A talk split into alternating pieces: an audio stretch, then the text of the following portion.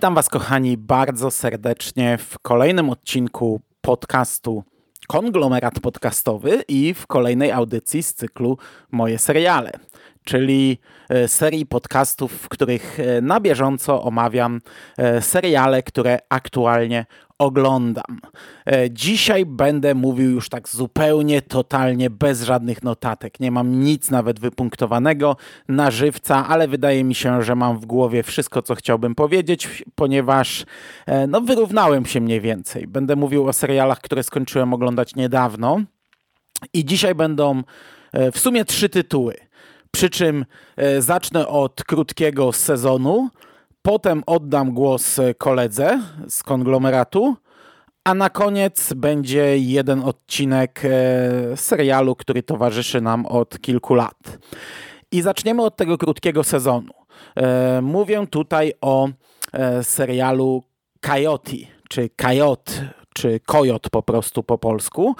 Jest to serial od CBS All Access, przy czym e, jest to serial, który w całości był udostępniony jednego dnia. Nie tak jak Clarice czy Bastion tydzień po tygodniu, tylko sześć odcinków, to jest bardzo krótki sezon, sześć odcinków jednego dnia wrzucone i ja od razu wziąłem sobie ten serial na radar z prostego powodu. W roli głównej gra tutaj Michael Chiklis, zakładając, że dobrze to wymawiam tradycyjnie, czyli aktor, który grał e, kilka lat temu główną rolę Wika w serialu The Shield Świat Gliniarzy. Serialu, który ja do dzisiaj uważam za jeden, jedną z najlepszych produkcji e, policyjnych, e, sensacyjnych, e, telewizyjnych, przy czym tutaj e, muszę się przyznać, e, wielki wyrzut sumienia, cały czas nie oglądałem The Wire. I wiem, że wiele osób ubóstwia ten serial, stawia go gdzieś tam na szczycie. E, dla mnie takim serialem jest The Shield, gdy mówimy o e, pracy policji, o, o, o serialu sensacyjnym, policyjnym. No, kiedyś w końcu się przeproszę, kiedyś w końcu to zrobię. To jest największy wyrzut sumienia chyba serialowy mój cały czas. No ale e, The Shield wielbię na tyle, że gdy któryś z aktorów The Shield pojawia się w jakimś serialu, to ja zawsze mm, no, punkcik wyżej od razu. Zawsze jestem zadowolony, zawsze to jest dla mnie taka, e, taka wiecie, no, tro, trochę jak z Archiwum X, chociaż no, mm, nie, nie, nie ta skala może, no ale radość jest podobna. No i tutaj mamy serial, gdzie główną rolę gra główny aktor z tamtego serialu, który pojawił się w finałowych odcinkach de, e, Synów Anarchii również, e, bo Sater w zasadzie całą główną obsadę prawie całą wrzucał do, a chyba nawet całą, wrzucił do Synów Anarchii. E, I po latach mogłem sobie obejrzeć kolejny sensacyjny serial z nim, więc od razu, od razu się na to rzuciłem i powiem wam, że połknąłem ten serial. Nie wiedziałem dokładnie, cóż to takiego będzie. Przeczytałem bardzo zdawkowy opis, że jest to historia e, strażnika granicznego e, pomiędzy Stanami a Meksykiem, który po przejściu na emeryturę zmienia jakby stronę, zaczyna przerzucać e, e, Meksykańców na granicę amerykańską, za granicę, e, że staje po tej drugiej stronie barykady. I tyle wiedziałem. Nie wiedziałem w ogóle, jakie tu będą motywacje bohatera.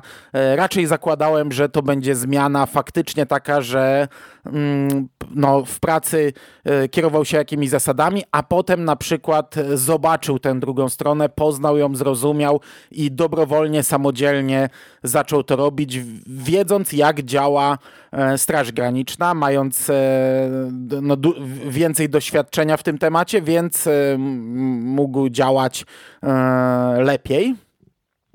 I tak też sugeruje nam troszeczkę na początku pierwszy odcinek, bo dostajemy na, wiecie, wstęp, jakąś tam e, ostatnią jego akcję, ostatnie złapanie e, jakiegoś nielegalnego emigranta i przejście na emeryturę, pożegnanie, e, zostają nam wprowadzeni bohaterowie poboczni, czyli partner tego głównego bohatera, młody chłopak, który dopiero zaczyna pracę, e, to znaczy pracuje od niedawna i ten... E, mm, Ben Clemens, czyli główny bohater, był dla niego jakimś tam wzorem, jakimś tam mentorem. Poznajemy rodzinę Bena, jego żonę, jej aktualnego męża, ich córkę, czyli też ten wątek obyczajowy tu wchodzi, coś takiego, co też było w The Shield bardzo mocno na, na jednym z głównych planów. Mm, no i widzimy, że Ben pomaga żonie swojego byłego partnera, o którym na chwilę obecną nic nie wiemy, ale dowiadujemy się gdzieś tam w trakcie. Jego były partner był e, Meksykaninem i budował dom e, za granicą, czyli w Meksyku. Teraz ta, ta, żona chce, żeby on dokończył ten dom i go sprzedał. Ben wyjeżdża tam, e, przystępuje do pracy i poznaje trochę ten świat. I, I faktycznie poznaje taką barmankę w jakiejś jadłodajni. Na początku zachowuje się oczywiście no, chamsko, nie? prostacko. Wiecie, to jest e, człowiek, który przesiąkł e, tym który widział tą złą stronę tego i, i jest raczej uprzedzony, jest, e, jest rasistą, nie? I, i tam wiecie, jak, jak prosi o menu, to literuje to, mówi jak do idiotki, nie? E, ale potem e, zaczyna gdzieś tam trochę poznawać tę stronę i też tę złą stronę, bo widzi ludzi z kartelu, którzy do tego baru przychodzą ale w sumie potem okazuje się, że on trochę przypadkiem zostaje wmieszany w pierwszy przerzut przez granicę.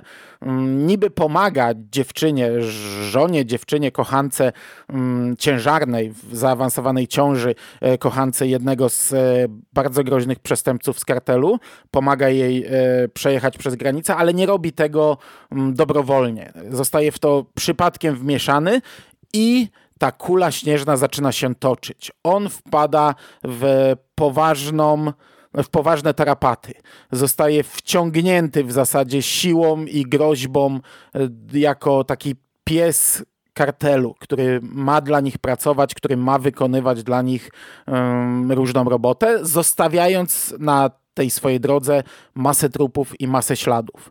I my to śledzimy e, równolegle na kilku frontach. Głównie e, z punktu widzenia Bena, ale też e, na przykład e, widzimy już, że ta pętla bardzo szybko zaciska mu się na szyi, ponieważ agenci po stronie amerykańskiej wpadają bardzo szybko na jego trop i bardzo szybko zaczynają e, badać tę sprawę i szukać go.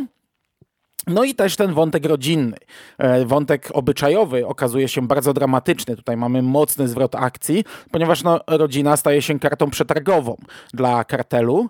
E, a, a, a też Ben poznaje to, jak żyje kartel, jak żyją rodziny kartelu. E, no, e, podpada temu jednemu z przestępców, ale główny szef kartelu no, ma swój plan i, i, no i nie chce go, wiecie, zabić, nie chce zemsty, nie? Ale zemsta poboczna wchodzi w grę i... E, to jest bardzo krótki serial, sezon, sześć odcinków. E, tu akcja nie galopuje. To, to nie jest, wiecie, Prison Break, y, to, to, to nie jest tego typu serial, to nie jest 24 godziny. Jeśli miałbym porównać, no to bardziej The Shield, y, chodzi o tempo, bo, bo jednak sposób kręcenia i tak dalej zupełnie inny, y, ale, ale mówię o tempie, ale już w tych sześciu odcinkach mamy kilka mocnych akcentów i no, jakieś tam zwroty akcji.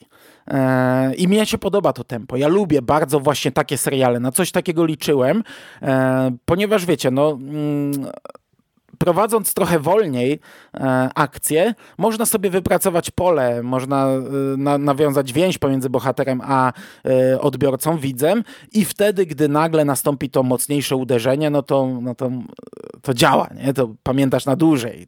Tak, tak, tak, także ja dużo bardziej wolę coś takiego niż taką gonitwę. Oczywiście ja bardzo lubię 24 godziny, ale, mm, no, ale w tym przypadku liczyłem na serial taki właśnie jak dostałem. I tutaj wiele nie da się powiedzieć więcej.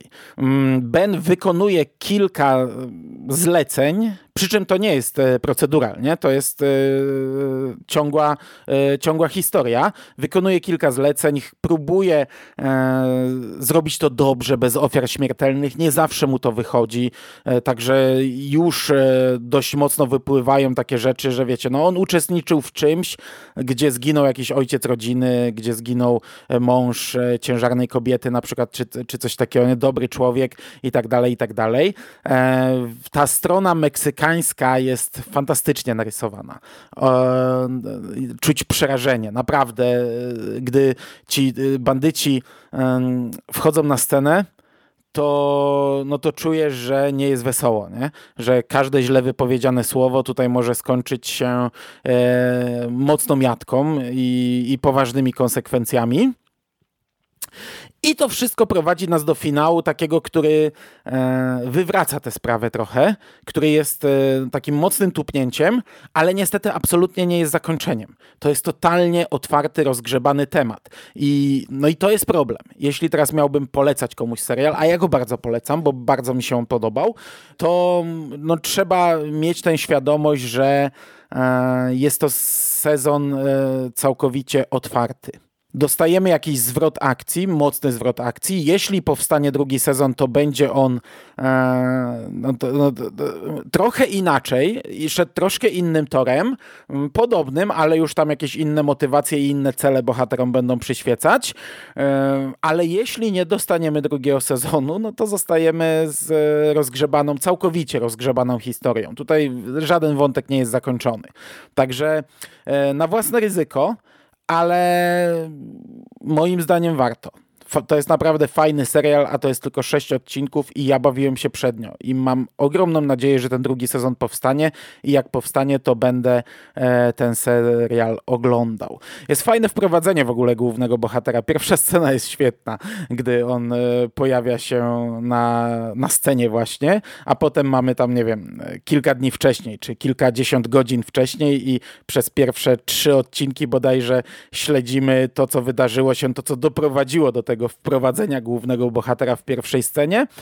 No i w ogóle e, Michael e, Chiklis e, świetnie wypada nadal, pomimo tego, że no ma już swoje lata, nigdy nie był jakimś młodzień, wiecie, szczuplutkim facetem, którym mógłby kojarzyć się z filmami akcji, ale tutaj to jest wpisane w te role, nie? To jest wpisane w te role i, i, i są, pomimo sześciu odcinków są bardzo dobrze rozpisane relacje między nim a rodziną, między nim a córką, między nim a tym młodym partnerem, który też zostaje no, bardzo szybko i dość poważnie wciągnięty w, w, w tą no, cholernie poważny problem, nie?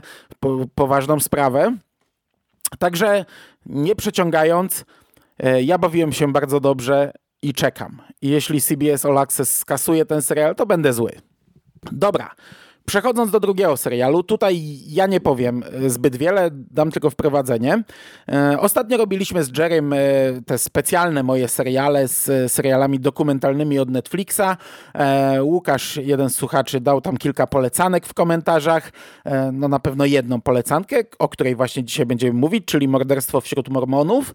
Co prawda Łukasz polecał, Jerry, który za chwilę się wypowie, obejrzał te trzy odcinki i również polecał, ale z wieloma uwagami. Tych uwag tu nie będę przytaczał, bo za chwilę Jerry zapewne je przytoczy wszystkie, więc żebyśmy się nie powtarzali. Ja nie brałem tego serialu na celownik, nie planowałem go oglądać, ale przyszedł taki wieczór, że moja żona ledwo żywa, e, wiecie, wtoczyła się do salonu i, i, i, marudziła, że jeszcze prasowanie ją czeka. Ja mówię, ja poprasuję, spoko, nie? Siądź se i tam, nie wiem, se paznokcie zrób. Tylko, że warunek, nie, nie włączamy żadnego twojego tam Home and Garden czy, czy innych bzdur w telewizji, tylko ja włączam coś swojego, bo ja bardzo lubię prasować, ja lubię takie rzeczy robić, jeśli mogę sobie przy tym oglądać serial, nie? E, I daj mi wybór. Mówię, oglądam w tej chwili rosyjski serial o epidemii, albo możemy zacząć e, serial dokumentalny Morderstwo wśród Mormonów, no to oczywiście wybrała to drugie. I ja obejrzałem pierwszy odcinek. Wyprasowałem wszystko do pierwszego odcinka. E, on mi się podobał, ale, ale absolutnie nie porwał mnie na tyle, żebym czuł jakąś potrzebę oglądania dalej. E, napisałem zaraz do Jerego, że spoko, ale raczej odpuszczam i jak chcesz, jak możesz, to, to wypowiedz się w moich serialach, powiedz kilka zdań o tym. E, Jerry od razu mówił, że może mi sprzedać końcówkę, jak, jak, nie planuję oglądać. No na razie nie chciałem, bo jeszcze, jeszcze gdzieś tam rozważałem, może te dwa odcinki kiedyś skończę, ale już wiem, że nie skończę. E, nie, nie, nie czuję w ogóle potrzeby, by do tego serialu wrócić, także poproszę Jerego po nagraniu, żeby mi powiedział w sumie, jak to się kończy i tyle mi wystarczy. Natomiast ja oddaję w tym momencie głos Jerry Jeremu. E, dzwonimy do Jerego, niech on w kilku zdaniach opowie wam o tym serialu dokumentalnym Netflixa.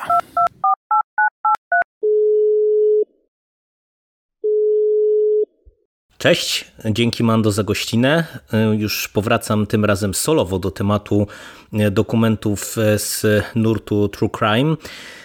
I dziś dosłownie w kilku zdaniach opowiem Wam o serialu Morderstwo wśród Mormonów. Serialu dokumentalnym, który jest świeżynką dostępną na Netflixie. On się pojawił bodajże 3 marca, przy czym nie jest to oryginalna produkcja Netflixa. On jest dystrybutorem, za produkcję odpowiada E, stacja BBC. E, I jest to produkcja e, trzyodcinkowa, o której ja kompletnie nic nie słyszałem. Podpowiedział mi ją Netflix po obejrzeniu tych dwóch wcześniejszych dokumentów. I wydaje mi się, że tak najlepiej e, do tego tytułu podchodzić. Mm, z czym mamy do czynienia? E, to jest historia, która opowiada e, o serii zamachów bombowych, które miały miejsce w Utah, jeżeli dobrze pamiętam, w 1985 roku. Zamachy bombowe, które zabiły dwie osoby. Jedną z tych osób była, był jakiś biznesmen, który obracał się w świadku e, osób handlujących dziełami sztuki, głównie e, różnego rodzaju e, dokumentami historycznymi i dziełami sztuki związanymi z religią mormońską. I również zginęła osoba, która była związana, była żoną jednego z gości, którzy zajmowali zajmowali się podobną tematyką. E, to e, zelektryzowało e, Stany Zjednoczone, no bo wiecie, mamy zamachy bombowe w dosyć spokojnym stanie, jak, za jaki uchodzi Utah. No i bardzo szybko ta sprawa nabiera tylko i wyłącznie rumieńców, dlatego że dwa dni po zamachach bombowych dochodzi jeszcze do kolejnego zamachu, tym razem nieudanego na życie jednego z wiodących e, znawców e, tematyki i gościa, który stał się jakąś taką ikoną e, w środowisku poszukiwaczy dokumentów historycznych.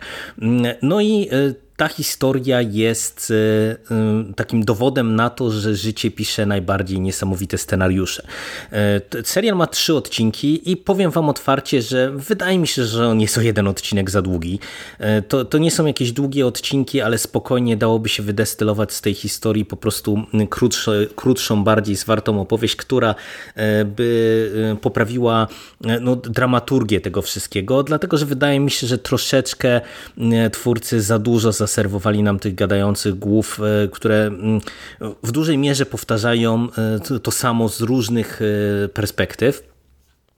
To, co wspomniałem, e, że historia jest absurdalna, no bo tak jest. Ja miałem e, bardzo silne skojarzenia z filmem, który u nas nazywał się Rekiny Wojny z 2016 roku, Toda Philipsa, i który opowiadał historię e, dwóch kolesi, którzy ni z tego nizowego zostali handlarzami bronią i wygrali jakiś kosmiczny przetarg na, na broń do Stanów Zjednoczonych, mając firmę, do Armii Stanów Zjednoczonych, mając firmę, firmę firmę w teczce i nie mając zielonego pojęcia tak naprawdę o handlu bronią. E, no i tutaj mamy do czynienia z podobnym dziwactwem, e, tylko umiejscowionym w środowisku no, cokolwiek egzotycznym dla przeciętnego mm, widza, e, nie tylko Netflixa, ale w ogóle nawet wiadomości, bo środowiskiem powiązanym bardzo silnie właśnie z religią mormońską i środowiskiem, no, które w ogóle jest mało znane, no bo środowiskiem ludzi, którzy handlują właśnie e, dziełami sztuki, czy nawet nie tyle dziełami sztuki, co właśnie e, dokumentami, e, książkami.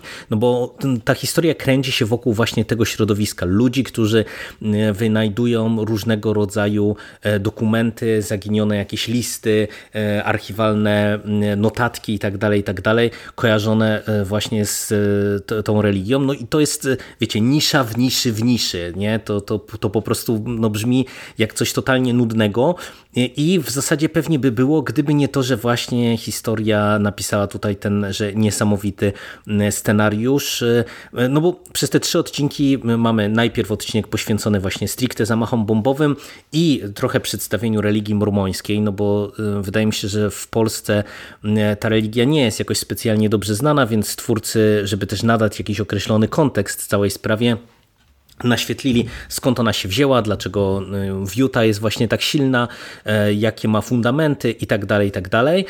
Drugi odcinek to jest e, początek śledztwa, e, no i podprowadzenie pod przełom, który nastąpił. I trzeci odcinek skupia się już na sprawcy czy sprawcach, nie będę tutaj spoilerował, bo tak jak mówię, lepiej nic nie wiedzieć na temat całej tej historii.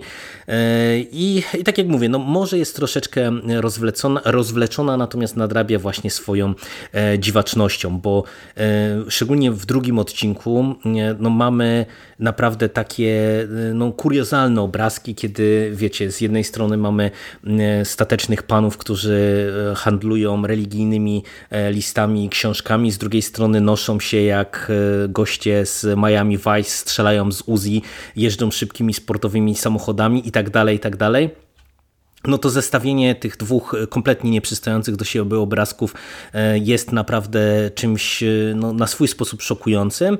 E, no i mówię, wydaje mi się, że sama historia jest po prostu interesująca. Jeżeli lubicie true crime, no to myślę, że możecie po nią spokojnie sięgnąć z taką, z taką uwagą z mojej strony, że no mówię, to nie jest taka historia w 100% porywająca, która będzie was przez wszystkie trzy odcinki trzymać w napięciu, E, ale, ale no, ja ogólnie ostrożnie bym wam ją polecał, bo bo jest dziwaczna, bo jest naprawdę dziwaczna. Jeżeli nawet e, się nie skusicie na, na sam serial, e, to żeby zobaczyć jak, jakimi dziwnymi ścieżkami losy ludzkie potrafią chodzić, no to sobie poczytajcie trochę o, o samej sprawie w internecie, ona jest dosyć dobrze opisana z oczywistych względów, no i tyle. I, i, i miało być krótko, jest krótko. Dzięki e, Mando jeszcze raz za gościnę. Do usłyszenia w przyszłości. Cześć.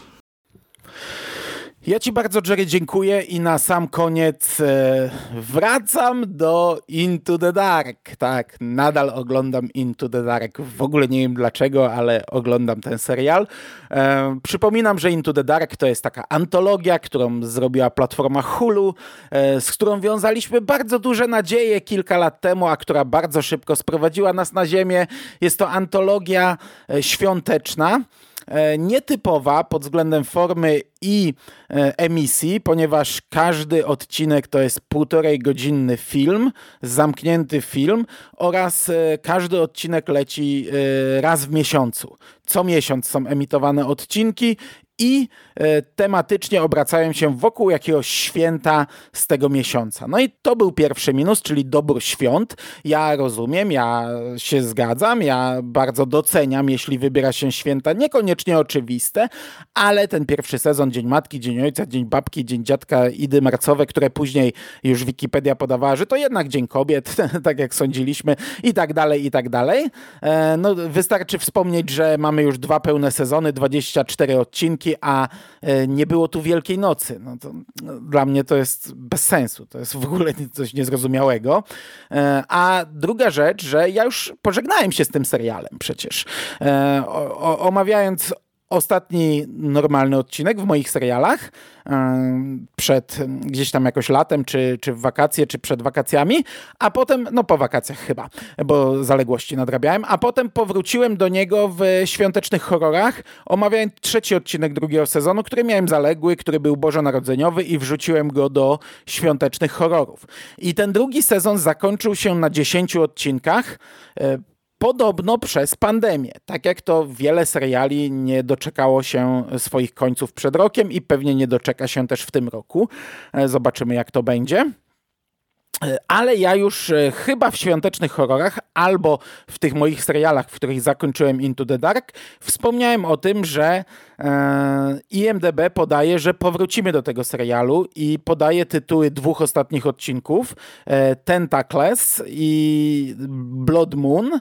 E, ale wtedy jeszcze bez dat produkcji. Przy czym podawała, że na IMDB był komunikat, że serial powróci w 2021 roku. No i zakładałem, że do tych dwóch odcinków wrócimy. I dzisiaj właśnie Tentacles. E, czyli lutowy odcinek. E, za chwilę będzie leciał ostatni marcowy, pewnie trafi do kolejnych moich seriali, zobaczymy, ale tutaj pierwsza niespodzianka. I to trochę niezrozumiała dla mnie, ponieważ no, zakładałem, że ten serial mm, zdechł przed rokiem przez pandemię i ostatni odcinek, jaki był wyemitowany, to był odcinek lipcowy, mm, czyli został sierpień i wrzesień. No i e, sierpień przed rokiem to był chyba pierwszy dzień szkoły, tak mi się wydaje. E, no, nie, nie, nie sprawdzę teraz, e, no nieważne, ale jakieś święta sierpniowe i wrześniowe były. No i zakładałem, że wiecie, dostaniemy zaległe odcinki o tych świętach, a tu nie. Nie, mamy teraz e, lutowy odcinek, który jest o walentynkach i ja trochę tego nie rozumiem, bo, bo to nie wygląda tak, jakby serial został ucięty przez pandemię. E, chyba, że nie wiem, faktycznie planują trzeci sezon i nakręcili historię pod trzeci sezon, e, którą mieli napisaną pod trzeci sezon. Wiedzieli, że wrócą z tym serialem w lutym i nakręcili lutowy odcinek, i to jak najbardziej się chwali. Okej, okay, jasne, nie? O to w tym chodzi. Oglądamy odcinek w lutym, więc niech porusza lutowe święto, ale totalnie nie rozumiem, co tu się zadziało i, i, i jak do tego doszło. I e, podejrzewałem, że, że wiecie, to jest tak jak z wszystkimi serialami. Mieli gotowce albo może rozgrzebany materiał, e, tylko niezmontowany albo niedokończony i, i dostaniemy go z opóźnieniem, a tutaj nie. Najwyraźniej nie mieli nic zrobionego i po prostu teraz, gdy e, któryś tam lockdown, któraś tam fala fala e, ucichła, nakręcili nowe odcinki bieżące. To jest spoko, to jest fajne, chociaż rozwala to całkowicie drugi sezon, bo e, jednak założenie było takie, że każdy sezon to jest jeden rok i mamy kolejne święta, a, a, a w drugim sezonie mamy już dwa walentynkowe odcinki ponieważ e, piąty odcinek drugiego sezonu to był odcinek pod tytułem My Valentine, a teraz e, jedenasty odcinek drugiego sezonu to znów są walentynki. I to jest historia dziewczyny. Poznajemy jakąś dziewczynę, która w, mieszka w samochodzie swoim. Ona nazywa się Tara. E, przychodzi na takie e, nie wiem jak to się nazywa, gdy dom jest na sprzedaż i e, agenci oprowadzają różne rodziny, różnych chętnych kupców. Ona jeździ po, po, po mieście czy też po Stanach i przychodzi na takie rzeczy i gdzieś tam się chowa w domu. E, chowa się w domu, gdy wszyscy e, potencjalni kupcy wychodzą, gdy agenci zamykają dom, to ona sobie wychodzi, bierze prysznic, kładzie się w łóżku, e, przesypia noc, a potem znów ucieka, jedzie gdzie indziej i gdzie indziej waletuje. Nie wiemy, kim jest ta kobieta, ale trafia na samym początku do takiego domu, gdzie poznajemy sama, który jest facetem z problemami, któremu niedawno zginęli rodzice, umarli rodzice. I on cały czas popija, cały czas z piersiówką. E, on jest po pierwsze i właścicielem domu, który chce sprzedać, i jest, pracuje jako fotograf razem ze swoją przyjaciółką Ester. E, także przygotowuje jakoś tam te domy, przygotowuje ofertę. No i on e, znajduje Tarę, trafia na nią i tutaj bardzo szybko nawiązuje się jakiś romans pomiędzy nimi. Oni w zasadzie w pierwszej scenie, gdy się poznają, to już e, uprawiają seks. I ona trochę naciska, on jej y, pod wpływem tego nacisku proponuje, by przygotowała dom jego rodziców do sprzedaży.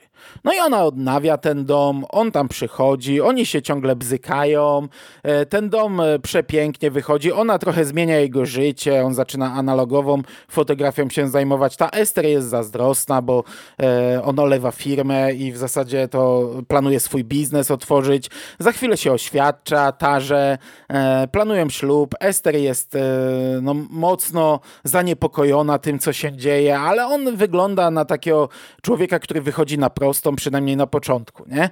E, zaczyna wyglądać lepiej, przestaje ciągle pociągać z tej piersiówki, ale potem, i, i to już mamy pierwszą scenę pokazaną, gdy jakaś macka wchodzi mu w ucho podczas snu. Mm, no i on zaczyna chodzić do lekarza, że ma bóle ucha, gdzieś tam krew mu cieknie i, i, i tak od drugiej połowy zaczyna już wyglądać coraz gorzej. I mamy scenę, gdy dotyka paznokcia na palcu, przyciska go i ten paznokieć e, zaczyna wypływać spod niego krew, tak jakby się przekrzywia, nie? tak jakby miał taki miękki palec. No i mamy znów scenę ściągania paznokcia. Ja po, po, mówię to nie wiem który raz, ja nie wiem co się dzieje. Czemu w, ja ciągle trafiam na filmy czy seriale, gdzie ludzie zrywają sobie paznokcie, gdzie ja po prostu e, na rzęsach staję, gdy to widzę. Nie? Jestem wygięty w łuk, przez palce patrzę, a słyszę te dźwięki. No to tutaj też coś takiego mamy. No i z nią jest coraz gorzej, no i on, on zaczyna prowadzić śledztwo. Skąd ona się tutaj znalazła, e, trafia gdzieś na ich poprze... Bo, bo, bo, cały czas gdzieś ją śledzi jakiś stalker. Ona mówi, że to jest stalker, a okazuje się, że to jest jej poprzedni chłopak, który stracił głowę dla niej podobnie jak sam, e, więc sam z tym chłopakiem wyjeżdża do innego miasta, gdzie ona wcześniej żyła i tam zaczyna poznawać jej historię. E, no i kończy się to wszystko głupio. I teraz tak... Po pierwsze, święta. E, nie ma ich tu w ogóle. Zacząłem od tego, że mamy e, odcinek na walentynki, ale tu nie ma w ogóle mowy o walentynkach. Tu zresztą jest, wiecie, dużo dłuższy przedział czasowy, bo tu mamy i zimę, i wiosnę, e, także to, to jest kilka miesięcy. To jest po prostu odcinek o chorej miłości i dlatego podpięto go pod temat e, walentynkowy. W sumie zastanawiam się, czy może w tym scenariuszu było coś, co miało nam e, mówić o jakimś święcie sierpniowym. No nie mam pojęcia. Może, może tylko gdzieś tam, wiecie, e, przyszpachlowano ten, ten scenariusz i, i, i go e, dopasowano pod walentynki. Nie wiem, nie wiem. Nie, nie, nie śledziłem, nie pamiętam, czy, czy, czy były jakieś zapowiedzi, e, czym miał być ten odcinek, bo, bo pamiętajmy, że tytuł zapowiedziany był już dużo, dużo wcześniej. Tytuł tego odcinka znaliśmy już tam, nie wiem, w lipcu, czy, czy, czy jakoś tak, tak mi się wydaje, jeśli dobrze pamiętam. No, e, zgadnijcie, jakie mam zastrzeżenia do tego odcinka. E, I tak, zgadliście. Po pierwsze, jest za długi. Absolutnie nie rozumiem, po co tutaj półtorej godziny. W 40 minutach temat byśmy zamknęli. E, po drugie, e, ta historia jest głupia. E, są fajni bohaterowie, dość przekonujący. E, ale rozwiązanie tego wszystkiego, ja wam powiem, że nawet do końca nie zrozumiałem, e, kim jest ta kobieta. Znaczy wiem, kim ona jest, ale trochę nie zrozumiałem ciągłości pomiędzy jej poprzednią przygodą a aktualną. I, i tam e, sam znajduje jakieś zwłoki w ścianie i, i, i nawiązuje się dialog. No i trochę mam tutaj obawy, czy, czy ja dobrze rozumiem tę linię przewodnią. No ale, ale, ale żeby nie było, że w ogóle nie zrozumiałem tego odcinka. Nie, ja łapię. Łapię, kim jest ta kobieta, e, co ma na celu, e, dlaczego ona usidla sobie tych kolejno mężczyzn czy kobiety. E, tylko, że mi się to nie podoba. A, a, a, już tytułowe macki, gdy one faktycznie wkraczają na scenę i gdy widzimy te wielkie macki, na, nawet gdy nie widzimy tych wielkich, nawet ta scena podczas snu, gdzie ta macka mu wchodzi w ucho, to jest takie what the fuck, nie? Oglądamy pewien odcinek i ja w ogóle zapomniałem o jego tytule, gdy go oglądałem. Zapomniałem o plakacie, gdzie mamy nogi dziewczyny, e, które stoją przed wanną, e, mokra podłoga i te nogi tak jakby zamieniają się troszkę troszeczkę w jakieś macki i gdy ta pierwsza macka się pojawia, ja mówię, o kurde, to przecież to ma być o mackach, nie? gdzie w ogóle y, z głowy mi to wypadło. No i gdy nasza Tara mm, ujawnia swoje wnętrze, to jest a, takie sobie naprawdę. I, I, jeszcze ostatnia rozmowa w odcinku i ostatnia puenta, taka, która nie wiem, ma być śmieszna. Nie, nie wiem. E, dużo seksu jest w tym odcinku. I ten seks jest połączony z golizną faktycznie. To nie jest taki seks z lat 90. z serialu. E, czasami pokazywany dziwnie, nieszablonowo. Mamy taką jedną całą scenę seksu na takim bardzo przyspieszeniu. Ale nie, że oni wyglądają komicznie jak Chippy Dale, tylko e, tak jakby przepływają przez ekran, tak, takim, takim rozmazaniem, że e, tutaj taka pozycja, tu taka, tu taka, tutaj na fotelu, za chwilę e, takie rozmazanie przepływa na, na łóżko e, i tego seksu jest, jest naprawdę dużo. Ale to nie, nie, nie, nie jest plus, który by wyciągnął ten odcinek. E, nie, no, to, to nie jest dobry odcinek. A jak, a jak patrzę na trzy, już teraz trzy walentynkowe odcinki, to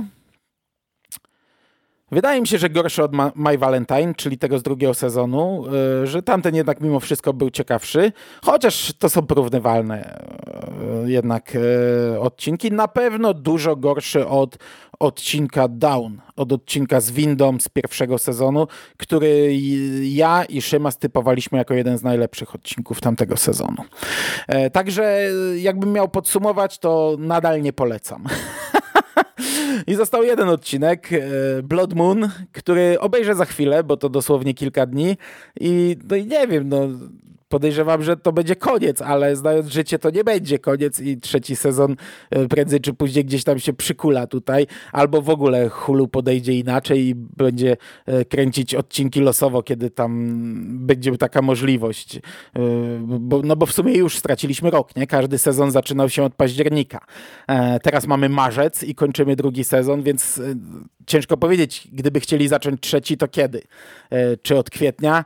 Czy znów czekać do października, czy tak jak mówię, mają jeszcze kilka scenariuszy i je wykorzystają jakoś losowo w trzecim e, sezonie. Tutaj wiecie, lipiec, tutaj grudzień, e, a tutaj kwiecień, nie?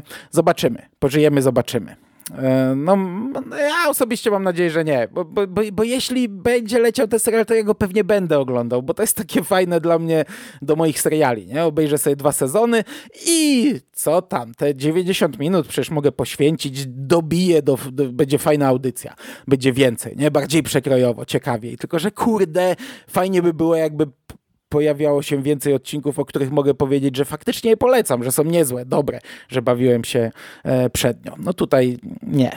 Ale, a, a, dobra, bo znów przeciągam, żeby nie było, żeby było jasne. On nie jest też jakoś bardzo zły. To jest po prostu średniak, przeciętniak z, z kiepskimi pomysłami i, i w sumie niewykorzystanym w ogóle świętem. Dobrze. I to by było na dzisiaj wszystko. Dziękuję Wam bardzo za uwagę. Do usłyszenia już niebawem. Trzymajcie się ciepło. Cześć!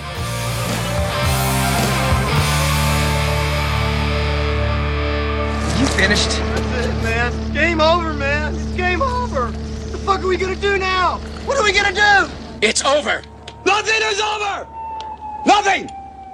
You just don't turn it off!